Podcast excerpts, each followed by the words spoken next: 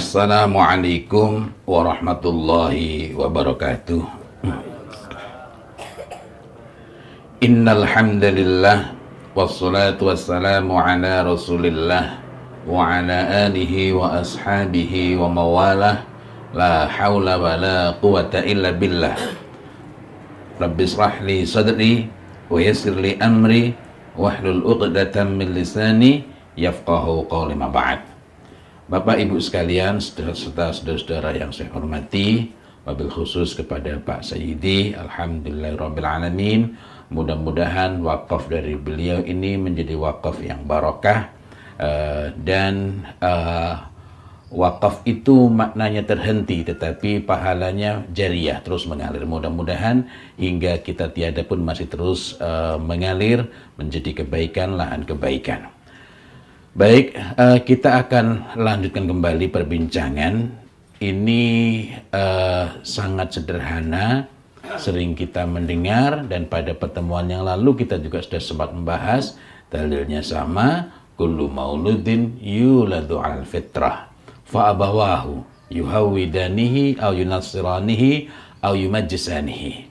Pada kesempatan yang lalu kita lebih banyak membahas tentang uh, apa itu peran orang tua. Bukan berarti pada kesempatan kali ini peran orang tua tidak berharga. Tetapi fokus pada pertemuan yang lalu agar anak-anak kita itu e, berkembang dengan baik, tidak perlu mengalami keguncangan ketika mereka berada pada masa peralihan menuju dewasa yang orang menyebutnya sebagai masa remaja, maka e, peran orang tuanya lah fa'abawahu yuhawidanihi aw yunassiranihi. Nah, pada kesempatan kali ini kita akan berbicara mengenai uh, hal-hal uh, apa saja dalam fitrah itu uh, nanti kaitannya dengan apa yang terjadi ketika anak-anak itu bermasalah.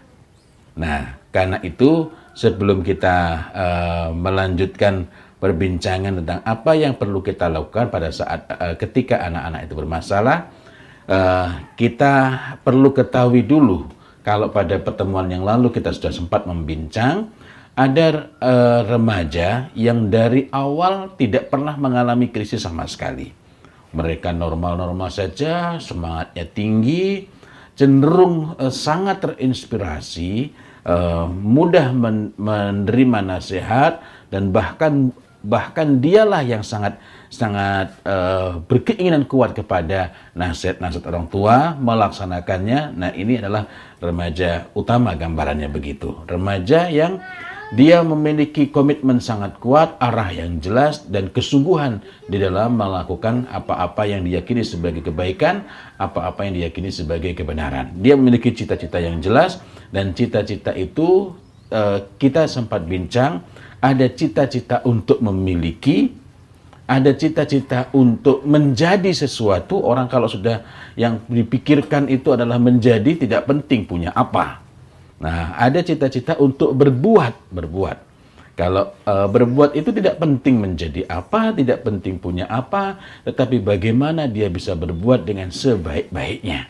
Nah, anak hal e, remaja yang seperti ini yang tidak pakai mengalami krisis, remajanya baik-baik saja hingga dewasa pun uh, tetap jelas arahnya, orientasi hidupnya sangat kuat.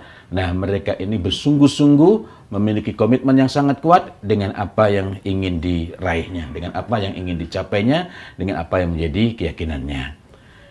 Nah, e, termasuk juga ada yang sempat mengalami krisis dan dia cepat pulih, cepat uh, menemukan apa yang seharusnya dilakukan dikarenakan dia dibesarkan oleh keluarga, oleh orang tua di mana anak-anak itu uh, didorong untuk mengambil keputusan hidup secara mandiri, mengambil keputusan hidup secara mandiri artinya anak itu berperan aktif ketika mengambil keputusan walaupun masih ada bimbingan dari orang tua. Bukan dibiarkan. Dan orang tua itu hadir. Hadir. Uh, maksudnya hadir ketika anak punya masalah, orang tua menunjukkan bahwa dia siap mendampingi, dia siap berpayah-payah, tetapi tidak mengambil alih masalah anak. Mengambil alih itu sesuatu yang seharusnya diselesaikan sendiri oleh anak, diselesaikan oleh orang tua sehingga akibatnya semakin dia bertambah umur tidak cakap menyelesaikan masalah-masalah. Sehingga ketika sampai pada umurnya di mana dia seharusnya sudah mampu bertanggung jawab, uh, jangankan untuk hal-hal besar, untuk hal-hal kecil pun tidak mampu. Kenapa? Karena sudah diambil alih oleh orang tua. Dan itu banyak sekali kasus-kasus semacam itu. Kasus-kasus semacam itu. Nah, nah ada yang lainnya lagi. Tadi disebutkan uh, dan ini yang justru sepertinya menjadi kerisauan umum.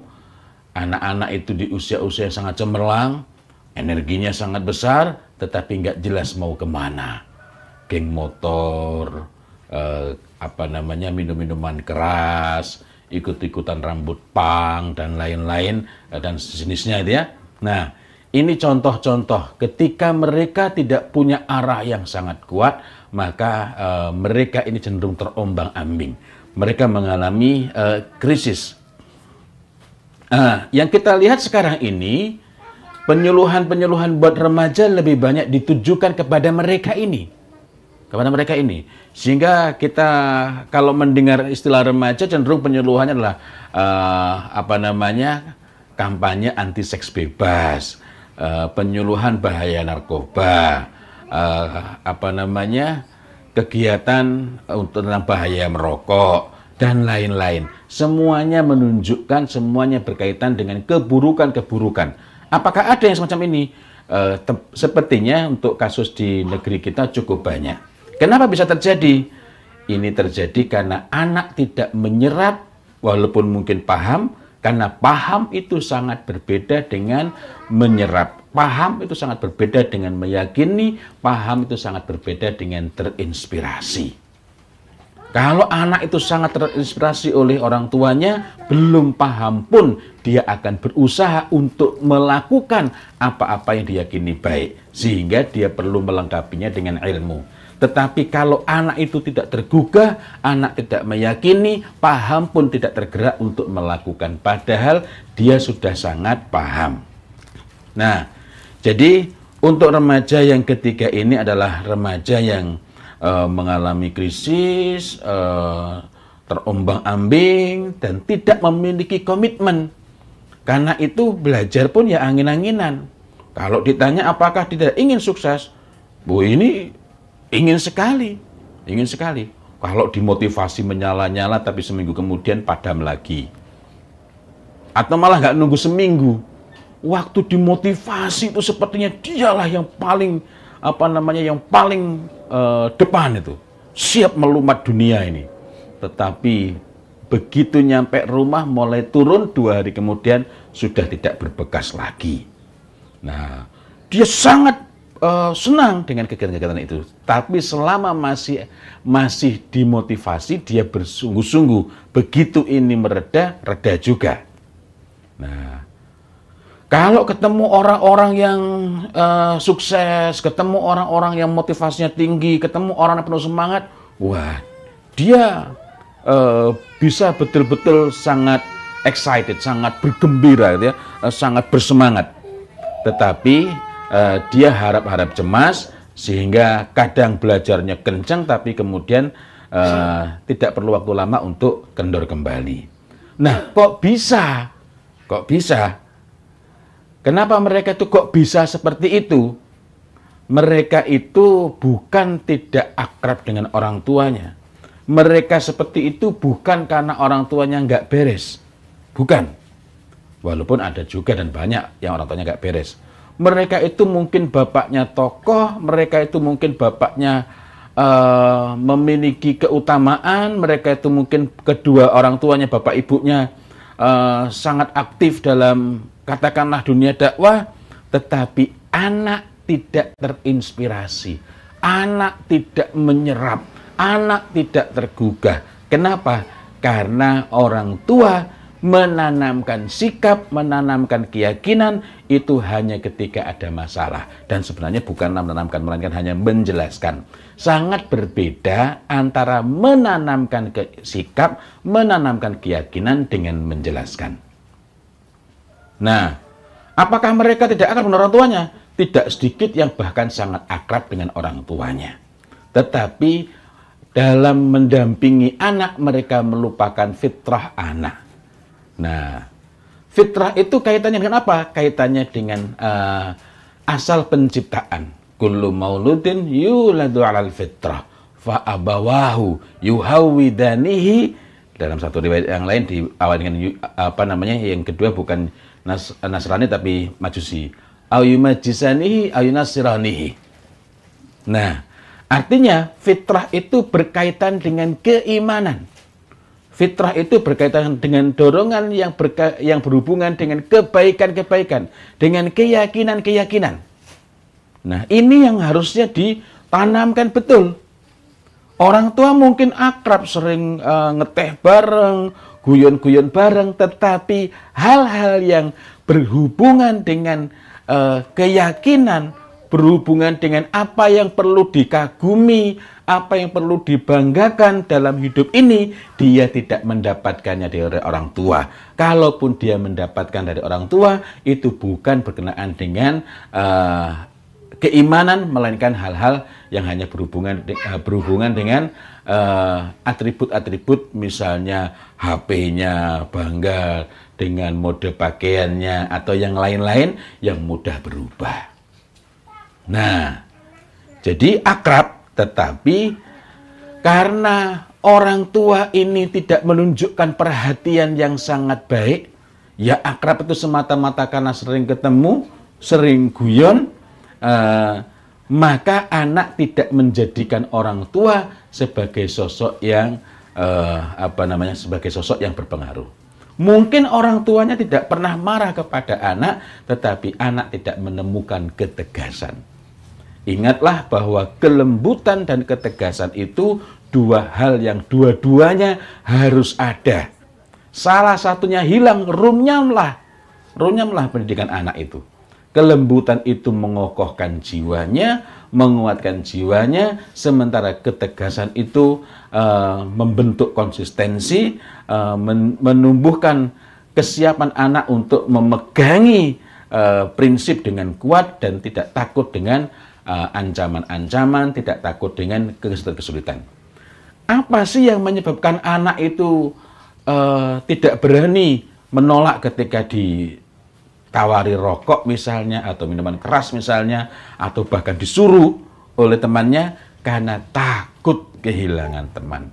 Karena dia tidak berani bersikap tegas. Kenapa dia tidak bisa bersikap tegas? Karena pertama nilainya tidak ditambah dengan kuat, yang kedua karena tidak mendapati uh, ketegasan pada orang tua. Tegas itu nggak sama dengan kasar. Nah, secara uh, secara umum, secara keseluruhan, anak tidak mendapatkan haknya untuk ditanamkan keyakinan. Nah, dalam hal ini ada perbedaan antara menanamkan keyakinan dengan memahamkan. Orang-orang liberal itu paham agama, paham, tapi tidak yakin. Tidak yakin. Jadi memahamkan itu berbeda dengan membangun keyakinan. Seseorang yang memiliki pemahaman sangat luas, bahkan sangat mendalam, wawasannya begitu uh, apa namanya begitu kaya, belum tentu memiliki keyakinan. Keyakinanlah yang membangkitkan keinginan, keyakinanlah, keyakinanlah yang membangkitkan dorongan, membangkitkan tekad untuk memperbuat apa yang diyakini. Seseorang yang meyakini tentang uh, jilbab bahwa itu adalah perintah, maka dia akan berusaha. Berusaha. Apa pun caranya agar dia dapat uh, berjilbab itu sesuai dengan apa yang diyakini.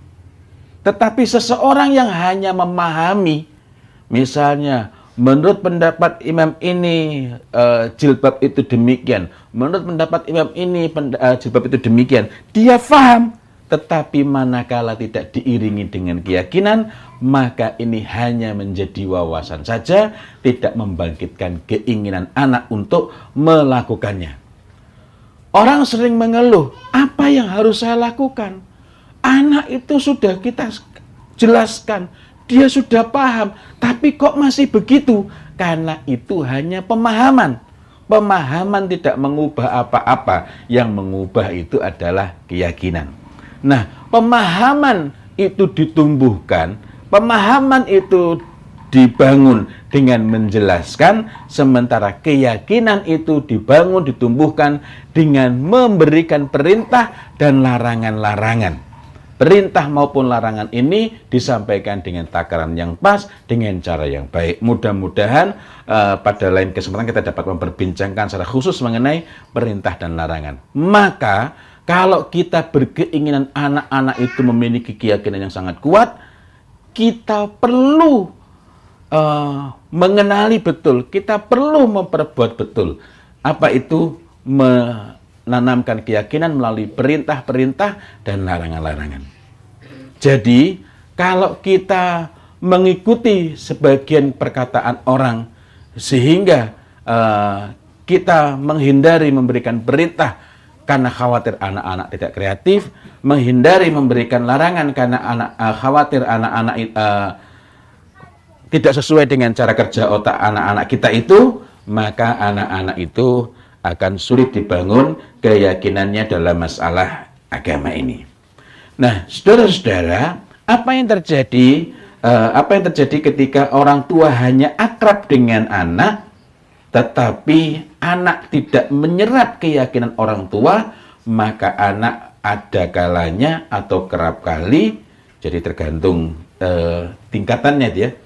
Kalau ada kalanya, berarti kadang-kadang mengalami konflik nilai, uh, sehingga lebih menentang. Tapi kalau sudah kerap kali atau bahkan uh, pada umumnya dia itu berbenturan nilai, berbenturan keyakinan dengan orang tuanya, maka ini akan memerlukan penanganan yang sangat khusus, gitu ya. Anak-anak yang seperti itu, uh, apa namanya? Kalau kita bincang tempo hari anak-anak yang nggak pakai mengalami krisis cenderung motivasinya tumbuh dari dalam dirinya, anak-anak yang sudah sempat mengalami krisis dan kemudian pulih kembali, dia juga masih memiliki motivasi yang sangat kuat, maka anak-anak yang semacam ini akan lebih mudah tergugah motivasinya apabila uh, ada hal-hal yang membuatnya tertarik. Artinya motivasinya itu banyak dipengaruhi oleh faktor-faktor dari luar. Tetapi kalau tingkatannya lebih jadi konflik nilainya itu perselisihan keyakinannya dengan orang tua itu bukan hanya kadang kala, melainkan sering kali atau bahkan hampir setiap hari, hampir dalam semua urusan, anak-anak itu bisa mengalami situasi di mana dia tidak memiliki motivasi sama sekali. Ditakut-takuti tidak takut, diiming-imingi tidak kepingin. Nah, Lalu apa yang perlu kita uh, bekalkan kepada mereka? Um, pertama, bagi kita sendiri perlu menyadari sebelum memberikan bekal bahwa anak itu terombang-ambing, anak itu mengalami krisis sehingga nggak punya pegangan yang jelas walaupun paham berbagai hal, itu kesalahan kita. Yang kedua, Betapapun demikian, kita perlu membekali anak-anak itu, kita perlu meluangkan waktu lebih banyak untuk mengurusi keyakinannya, kita perlu memperbanyak mendengar dia, berbincang dengan dia, dan kemudian yang berikutnya lagi, dari sana kita perlu bekali anak-anak itu dengan dengan kemampuan bersikap tegas Kemampuan bersikap tegas ini terutama dalam hal-hal yang bahayanya tampak langsung. Bukan berarti yang lainnya nggak penting, karena yang bahayanya tidak tampak secara langsung, sering kali bahkan jauh lebih penting dibanding yang uh, bahayanya langsung kelihatan. Uh, narkoba misalnya itu bahayanya langsung kelihatan. Tetapi uh, inilah ini bukanlah bahaya terbesar dalam hidup ini. Bahaya terbesar itu justru uh, justru kehilangan iman gitu ya. Nah, kita bekali mereka sikap yang asertif dan kemampuan mengkomunikasikannya.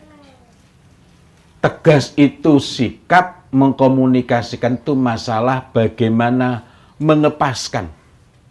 Gitu ya. Jadi sikap tegas di Jawa bisa berbeda dengan sikap tegas di Sulawesi. Sama-sama tegas, cuma berbeda bentuknya saja. Nah, ini yang perlu kita bekalkan juga kepada anak-anak kita agar mereka paham konteks budayanya sehingga tidak kontraproduktif. Tegasnya orang Jawa Timur berbeda bentuknya. Bukan berarti lebih tegas, berbeda bentuknya dibanding ketegasan orang Jogja Solo. Tetapi ketika saya dari Jawa Timur kemudian bermukim di sini, maka saya harus paham mengenai budaya di sini agar tidak menimbulkan masalah yang tidak perlu. Nah, tegasnya orang Jawa Timur berbeda dengan tegasnya orang Sulawesi.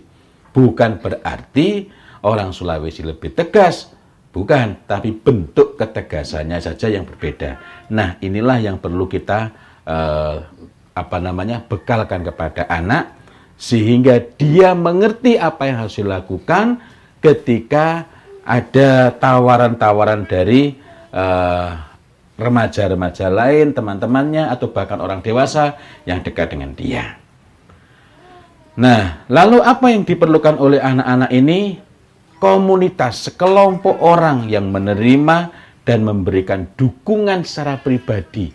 Dukungan secara pribadi itu uh, setiap anak memerlukan perhatian, setiap anak perlu diterima. Marilah kita ingat bagaimana teguran Rasulullah Shallallahu Alaihi Wasallam suatu saat ada seseorang datang menjumpai Rasulullah SAW. Ini uh, menggendong seorang anak yang masih bayi. Rasulullah menggendongnya dan ternyata anak ini buang air kecil pipis di dalam gendongan Rasulullah Shallallahu Alaihi Wasallam. Apa yang dilakukan oleh orang tua anak ini? Ibunya anak ini seketika merenggut anak itu secara kasar. Maka Rasulullah SAW menegur uh, orang tua dari anak ini. Pada pokoknya intinya adalah kotoran akibat uh, pipisnya anak itu dapat dibersihkan dengan air. Tetapi apa yang dapat membersihkan anak ini dari kekeruhan jiwanya? Nah, dari sini kita me mendapatkan pelajaran bahwa manakala seseorang itu sedang mengalami eh, apa namanya keguncangan, yang paling awal adalah memberikan kenyamanan dulu secara fisik, bukan berarti dikasih tempat yang enak, tetapi dia tidak eh, digelisahkan olehnya dan memberikan kenyamanan secara emosional, perasaannya nyaman eh, di situ. Nah, mau mendengar, nah mau uh, jadi tidak langsung membantah. Sebagaimana ketika seorang pemuda datang kepada Rasulullah Wasallam meminta izin untuk berzina, bukan langsung ditegur, langsung dimarahi, tetapi diterima dengan penuh perhatian, diajak dialog, baru didoakan. Itu pun nggak pakai diancam dia. Nah, jadi ini pemuda lebih mudah menerima. Pemuda ini lebih uh, tersentuh hatinya karena dia mendapatkan apa yang tidak diberikan oleh orang lain. Penerimaan yang tulus, pembicaraan yang enak, barulah kemudian diajak dialog. Nah, lalu apa saja yang perlu kita perhatikan agar anak-anak itu uh, yang mengalami krisis tadi lebih cepat pulih. Yang pertama adalah per, uh, tentu saja yang perlu dibenahi pertama adalah mengenai uh, agama, mengenai keyakinan, mengenai nilai-nilai yang diyakini. Mohon maaf. Seseorang itu mungkin muslim, tetapi yang diyakini, yang dijalankan dalam hidup, yang mempengaruhi kehidupan sehari-hari belum tentu Islam. Ada nggak begitu? Banyak. Jadi Muslim itu nggak sama dengan orang yang hidupnya dengan Islam. Ada orang agamanya Islam, tapi Islam itu hadir dalam kehidupannya hanya dalam tiga perkara. Saat lahir itu bukan dia yang melakukannya, uh, saat nikah baru dia melakukannya karena pengen nikah, saat mati juga bukan dia yang melakukannya. Nah, agama hadir hanya dalam tiga perkara kadang-kala. Nah, maka uh, kita perlu jadi anak kok guncang. Kadang kita sibuk uh, memikirkan apa yang perlu dilakukan ini anak sudah merokok berat. Itu berarti ada masalah di salah satu atau dari atau di ketiga urusan. Tiga urusan apa saja? Nanti kita akan perbincangkan. Jika masalah pertama berkenaan dengan uh, keyakinan terhadap agama itu beres, yang dua cenderung beres. Jika agamanya mencakup ketiga-tiganya. Dan kita ini alhamdulillah dalam uh, apa namanya? dalam agama kita ini semua hal diurusi. Nah, kemudian yang berikutnya adalah mengenai uh, apa namanya pilihan pekerjaan, mengenai masa depan, masa depan.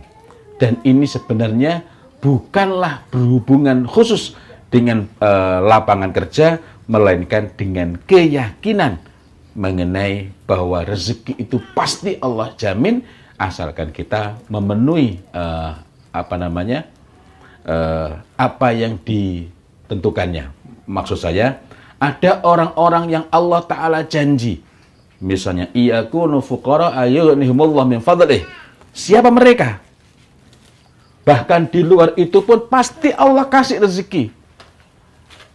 Tidak akan mati seseorang kecuali telah disempurnakan rezekinya. Disempurnakan itu bukan berarti mesti berlimpah ya. Artinya selama dia masih hidup berarti Allah pasti masih kasih rezeki. Nah, kemudian yang berikutnya adalah mengenai uh, apa namanya orientasi terhadap lawan jenis yang berhubungan dengan hub, uh, dengan uh, ikatan emosi, ikatan perasaan antara dia. Nah, di dalam agama ini, masya Allah, anak itu sudah dipersiapkan bahkan sebelum masa tertarik pada lawan jenis itu tiba. Usia 10 tahun sudah dipisahkan tempat tidurnya dari lawan jenis walaupun saudara kandung dan sesama jenis tidak boleh tidur dalam satu selimut. Apakah selesai? Tidak. Tidak. Tapi kita kita bincang dulu. Nah, adapun kalau mereka sudah remaja, sudah uh, akil balik, akil balik ini pun perlu kita bahas lain waktu, yakni akil balik itu maknanya akalnya sampai. Artinya seharusnya ketika anak itu sudah mimpi basah, kalau laki-laki, dia sudah betul-betul dapat berpikir secara matang, secara mendalam, dengan landasan yang kuat. Tetapi yang terjadi hari ini, banyak orang yang umurnya sudah 16, 18, 20, 25, 30, masih belum mampu berpikir secara matang dan mendalam dengan landasan yang jelas. Artinya, seharusnya mereka itu sudah akil balik, tetapi faktanya masih belum akil balik. Ini uh, apa namanya? Secara syariat mereka sudah akil balik, tetapi secara real belum memiliki kemampuan untuk menimbang karena tidak kita persiapkan. Nah, ini uh, ini PR besar uh, buat kita. Nah, berikutnya lagi adalah remaja yang uh, mengambang. Siapa mereka itu? Remaja ini merasa tidak punya masalah. Merasa itu berbeda, merasa tidak mempunyai masalah itu berbeda dengan tidak mempunyai masalah. Jadi merasa tidak mempunyai masalah, e, krisis juga enggak, tetapi komitmen juga enggak ada, kesungguhan juga enggak ada. Nah, tidak peduli dengan masa depannya sehingga mudah ikut-ikutan e, teman. Nah, dari mana asalnya? Dari mana asalnya? Uh, setiap orang itu memerlukan perhatian, setiap orang itu memerlukan penerimaan, setiap orang itu memerlukan kasih sayang, dan anak-anak ini uh, tumbuh besar merasa tidak diperhatikan, tidak disayangi oleh orang tua. Tidak setiap apa namanya orang tua mencintai anak, mungkin iya, Hampir semua orang tua, saya katakan tidak semuanya, hampir semua orang tua mencintai anaknya. Tetapi tidak setiap anak yang dicintai oleh orang tuanya, dia merasa, dicint, uh, merasa dicintai. Banyak anak yang tidak merasa dicintai, walaupun orang tuanya sangat mencintai mereka. Kenapa bisa demikian? Karena ketika orang tua berinteraksi, bergaul dengan anak. Nah, anak itu eh, apa namanya orang tua tidak pernah mengajak diskusi anaknya, cenderung membiarkan anaknya mengambil keputusan sendiri. Tadi kita sebut ada uh, remaja perlu mengalami krisis atau kalau mengalami krisis cuma sebentar dikarenakan orang tua mendorong anaknya mengambil keputusan hidup secara mandiri. Artinya misalnya, Pak aku enaknya uh, sekolah di mana?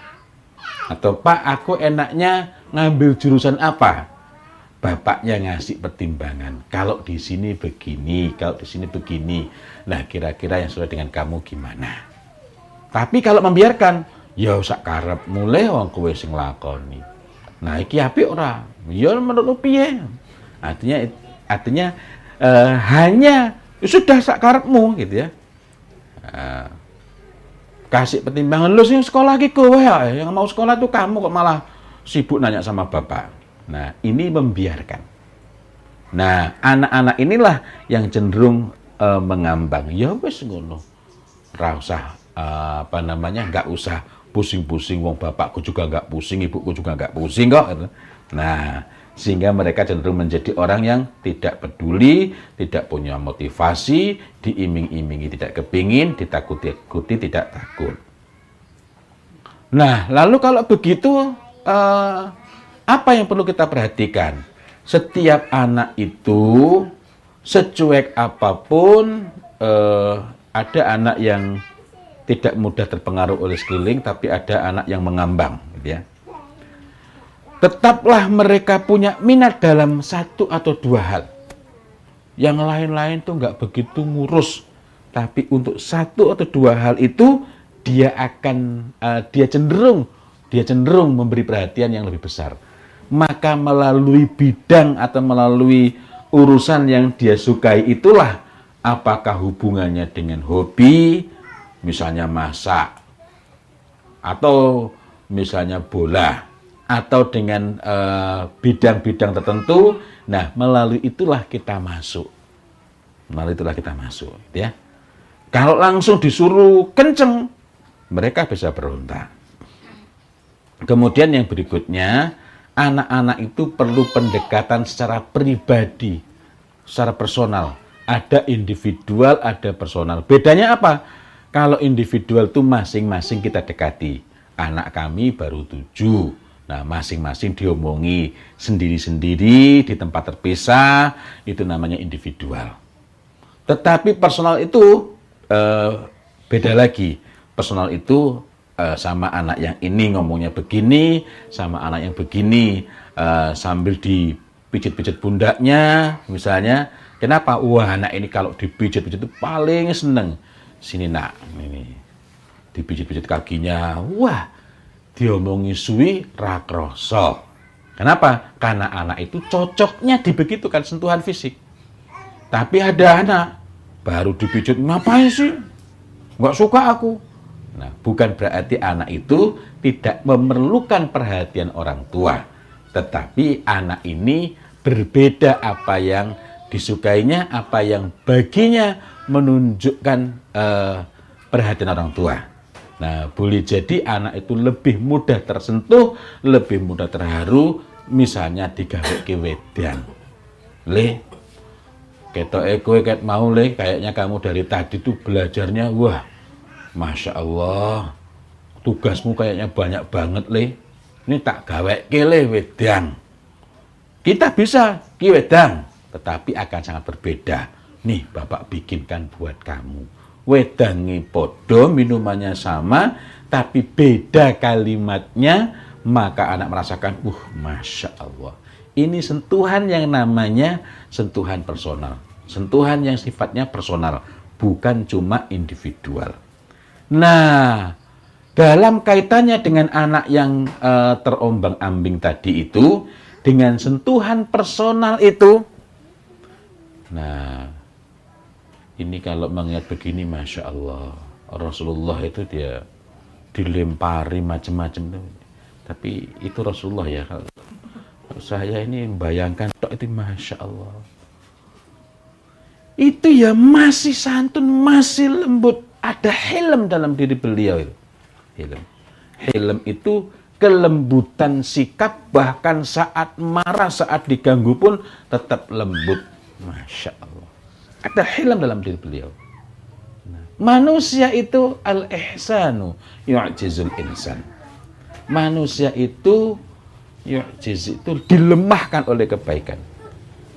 Dilemahkan oleh kebaikan. Nah, anak galak, anak uh, meledak-ledak kok disikapi dengan uh, apa namanya dengan sentuhan dengan kebaikan itu akan lebih mudah luluh dirinya. Nah, tapi apa yang terjadi kalau anak yang seperti itu diabaikan, dibiarkan, ayo wes mengkolak ya sadar-sadar dewe kaya ora tau nombae. Biarin aja nanti kan nanti sadar-sadar sendiri. Wong kita dulu juga pernah muda, padahal masalahnya berbeda maka anak ini akan cenderung lari kepada satu dari dua hal. Apa itu? Pertama, akan uh, lebih mudah, lebih terserap oleh uh, lingkungan sekeliling. Jadi anak itu ikut arus. Ikut arus. Nah, atau yang kedua, nah yang kedua ini lebih samar. Orang tua bisa merasa ayem, bisa merasa tenang. Kenapa? Anaknya tiba-tiba tampak sangat tekun. Di kamar bukan mengurung diri, nggak mau ngomong dengan orang lain, tetapi di kamar tampaknya dia asik membaca, uh, membuat catatan-catatan, tetapi tiba-tiba anak pamit kepada orang tuanya karena ikut gavatar atau ikut ISIS dan lain-lain. Nah, ini yang disebut sebagai menarik diri dan ini mengkhawatirkan, ya mengkhawatirkan. Nah, lalu apa yang kita perlukan uh, kalau misalnya anak sudah nggak karu-karuan? Anak sudah nggak karu-karuan. Langkah apa yang perlu kita lakukan? Memang masalahnya pada sikap, memang masalahnya pada uh, pada keyakinan, tetapi perubahan paling awal itu adalah uh, perubahan yang berkaitan dengan adab. Nah, ini banyak sekali contohnya.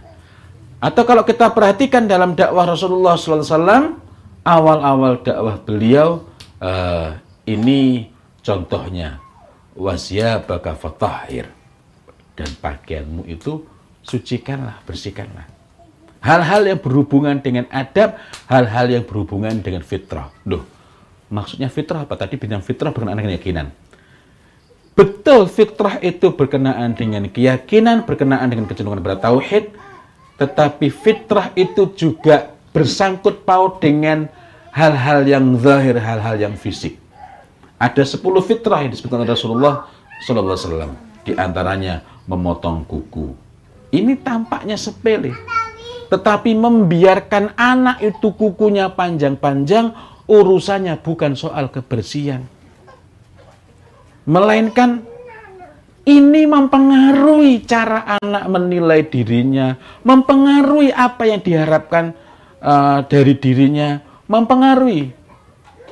Si, ini kok rotok angel bahasnya. Kalau anak itu misalnya dibiarkan berpanjang-panjang, kukunya tambah panjang, nanti lama-lama itu pengennya nunjukkan. Yang tampilkan adalah hal-hal yang berhubungan dengan apakah kegalaan, atau kalau kukunya lentik nanti apa namanya anaknya laki-laki badannya kekar tapi melambai. Nah, saya tempo hari ketemu, aduh, pas ngisi itu badannya kelihatan laki-laki, tapi begitu menggerakkan tangan langsung tek, waduh. Nah, mencukur uh, kumis, mencabut bulu ketiak dan lain-lain uh, ini termasuk perkara-perkara fitrah. Perubahan-perubahannya fisik. Kita memperhatikan unsur-unsur fisiknya, tetapi ini mempengaruhi uh, apa namanya mempengaruhi uh, mentalnya, mempengaruhi batinnya, dan pada akhirnya mempengaruhi sikapnya terhadap agama. Nah, sesungguhnya amal itu ada tiga macam. Amalul qalbi, amalan-amalan hati, Yakin itu adalah amalan kolbi. Niat itu adalah amalan-amalan hati. Yang kedua adalah amal-amal-amal yang sifatnya uh, terlihat ini fisik, amal jawari.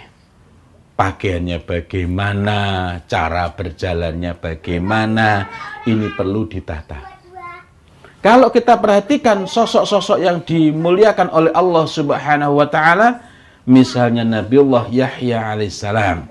Atau kita perhatikan uh, di surat Luqman, maka kebaikan iman itu sangat erat kaitannya dengan kesantunan dan kesederhanaan dalam berjalan. Oralidaliti. Ini hal-hal fisik, tetapi kalau ini diubah akan mengubah uh, batinnya. Sebagaimana kalau batinnya berubah, maka hal-hal fisiknya ini pun bisa ikut berubah. Nah, karena itu kita perlu peka. Karena itu kita perlu peka. Kita perlu memiliki apa namanya? memiliki standar. Kapan waktunya paling lama berapa uh, jangka waktu yang ditoleransi yang diperkenankan bagi anak misalnya untuk membiarkan kukunya dalam keadaan panjang, membiarkan misalnya eh, apa lagi yang fitrah itu. Nah, urusan-urusan berhubungan dengan itu berkumur-kumur termasuk di antara hal-hal yang berkaitan dengan fitrah. Kapan uh, batas toleransi kita sejauh mana? Dan ini sudah ada di dalam tuntunan dalam uh, sunnah Rasulullah Shallallahu Alaihi Wasallam memotong kuku, mencabut uh, apa namanya bulu ketiak misalnya uh, ini selambat-lambatnya dijangkangkan 40 hari sekali. Nah, ini contoh-contohnya. Perubahan-perubahan tampaknya untuk hal-hal yang kecil ini akan pengaruhi ketertiban, keteraturan, dan apa yang diangankan oleh anak dari dirinya saya teringat dengan beberapa orang.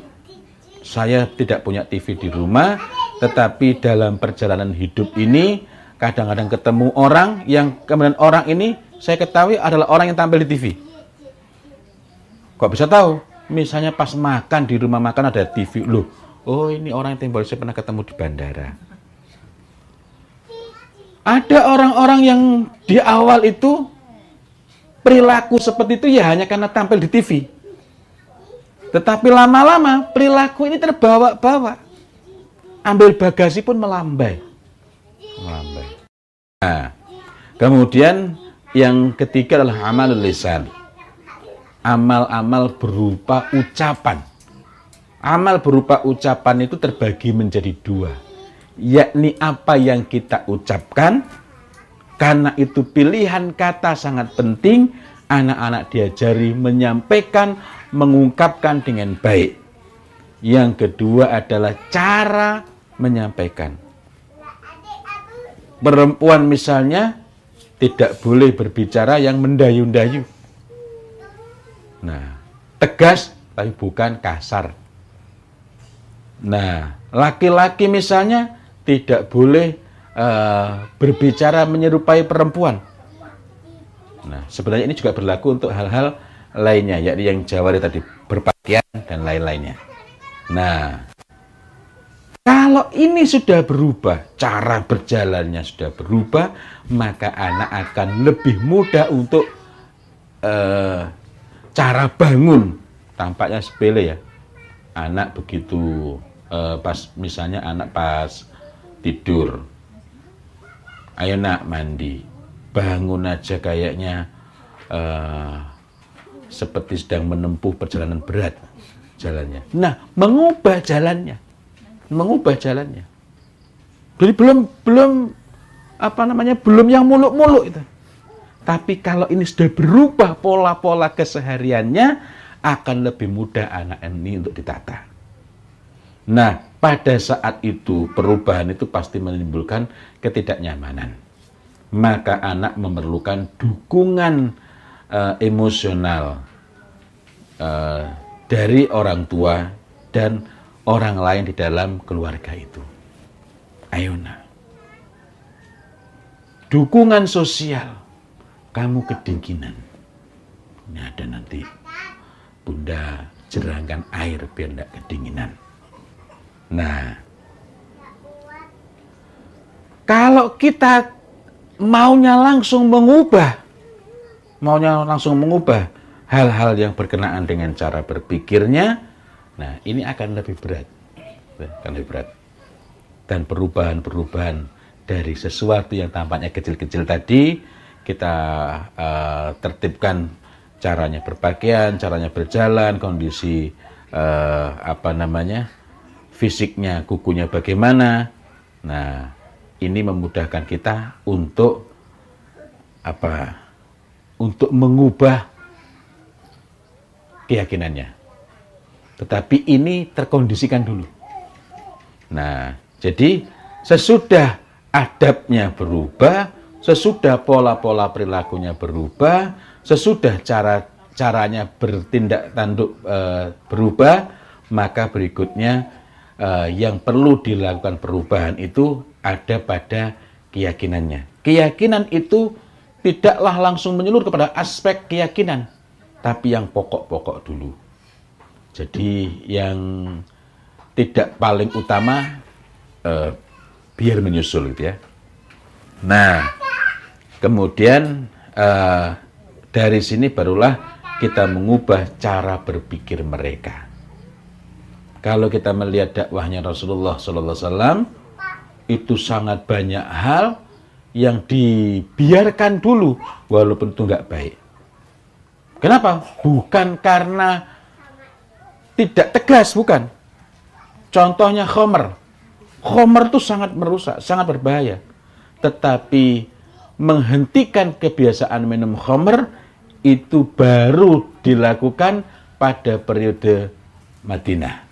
Artinya iman sudah sangat kuat, mereka sudah sami'na wa ata'na kepada Rasulullah SAW, itu pun bertahap hingga akhirnya ketika larangan minum khamr itu sudah menyeluruh total, sama sekali nggak boleh menyentuh, memperjualkan, memperjualbelikan pun itu uh, merupakan dosa besar, maka Madinah banjir khamr. Artinya, seandainya awal dakwah langsung menyasar ke soal-soal itu, gak jalan. Gitu ya. Begitu pula untuk yang lain-lain. Nah, eh, saudara-saudara, sebenarnya masih sangat banyak yang perlu kita perbincangkan, tetapi ini pembahasan khusus mengenai fitrah ini pun belum menyeluruh, tetapi al-waqtu kasir wal amal kathir. Waktu sangat pendek, eh, sementara banyak hal yang perlu kita perbincangkan. Masih ada waktu, sisa waktu sebentar, sekitar 5, eh, 10 menit atau 15 menit. Uh, mudah-mudahan dapat kita manfaatkan untuk tanya jawab. Tafadhol.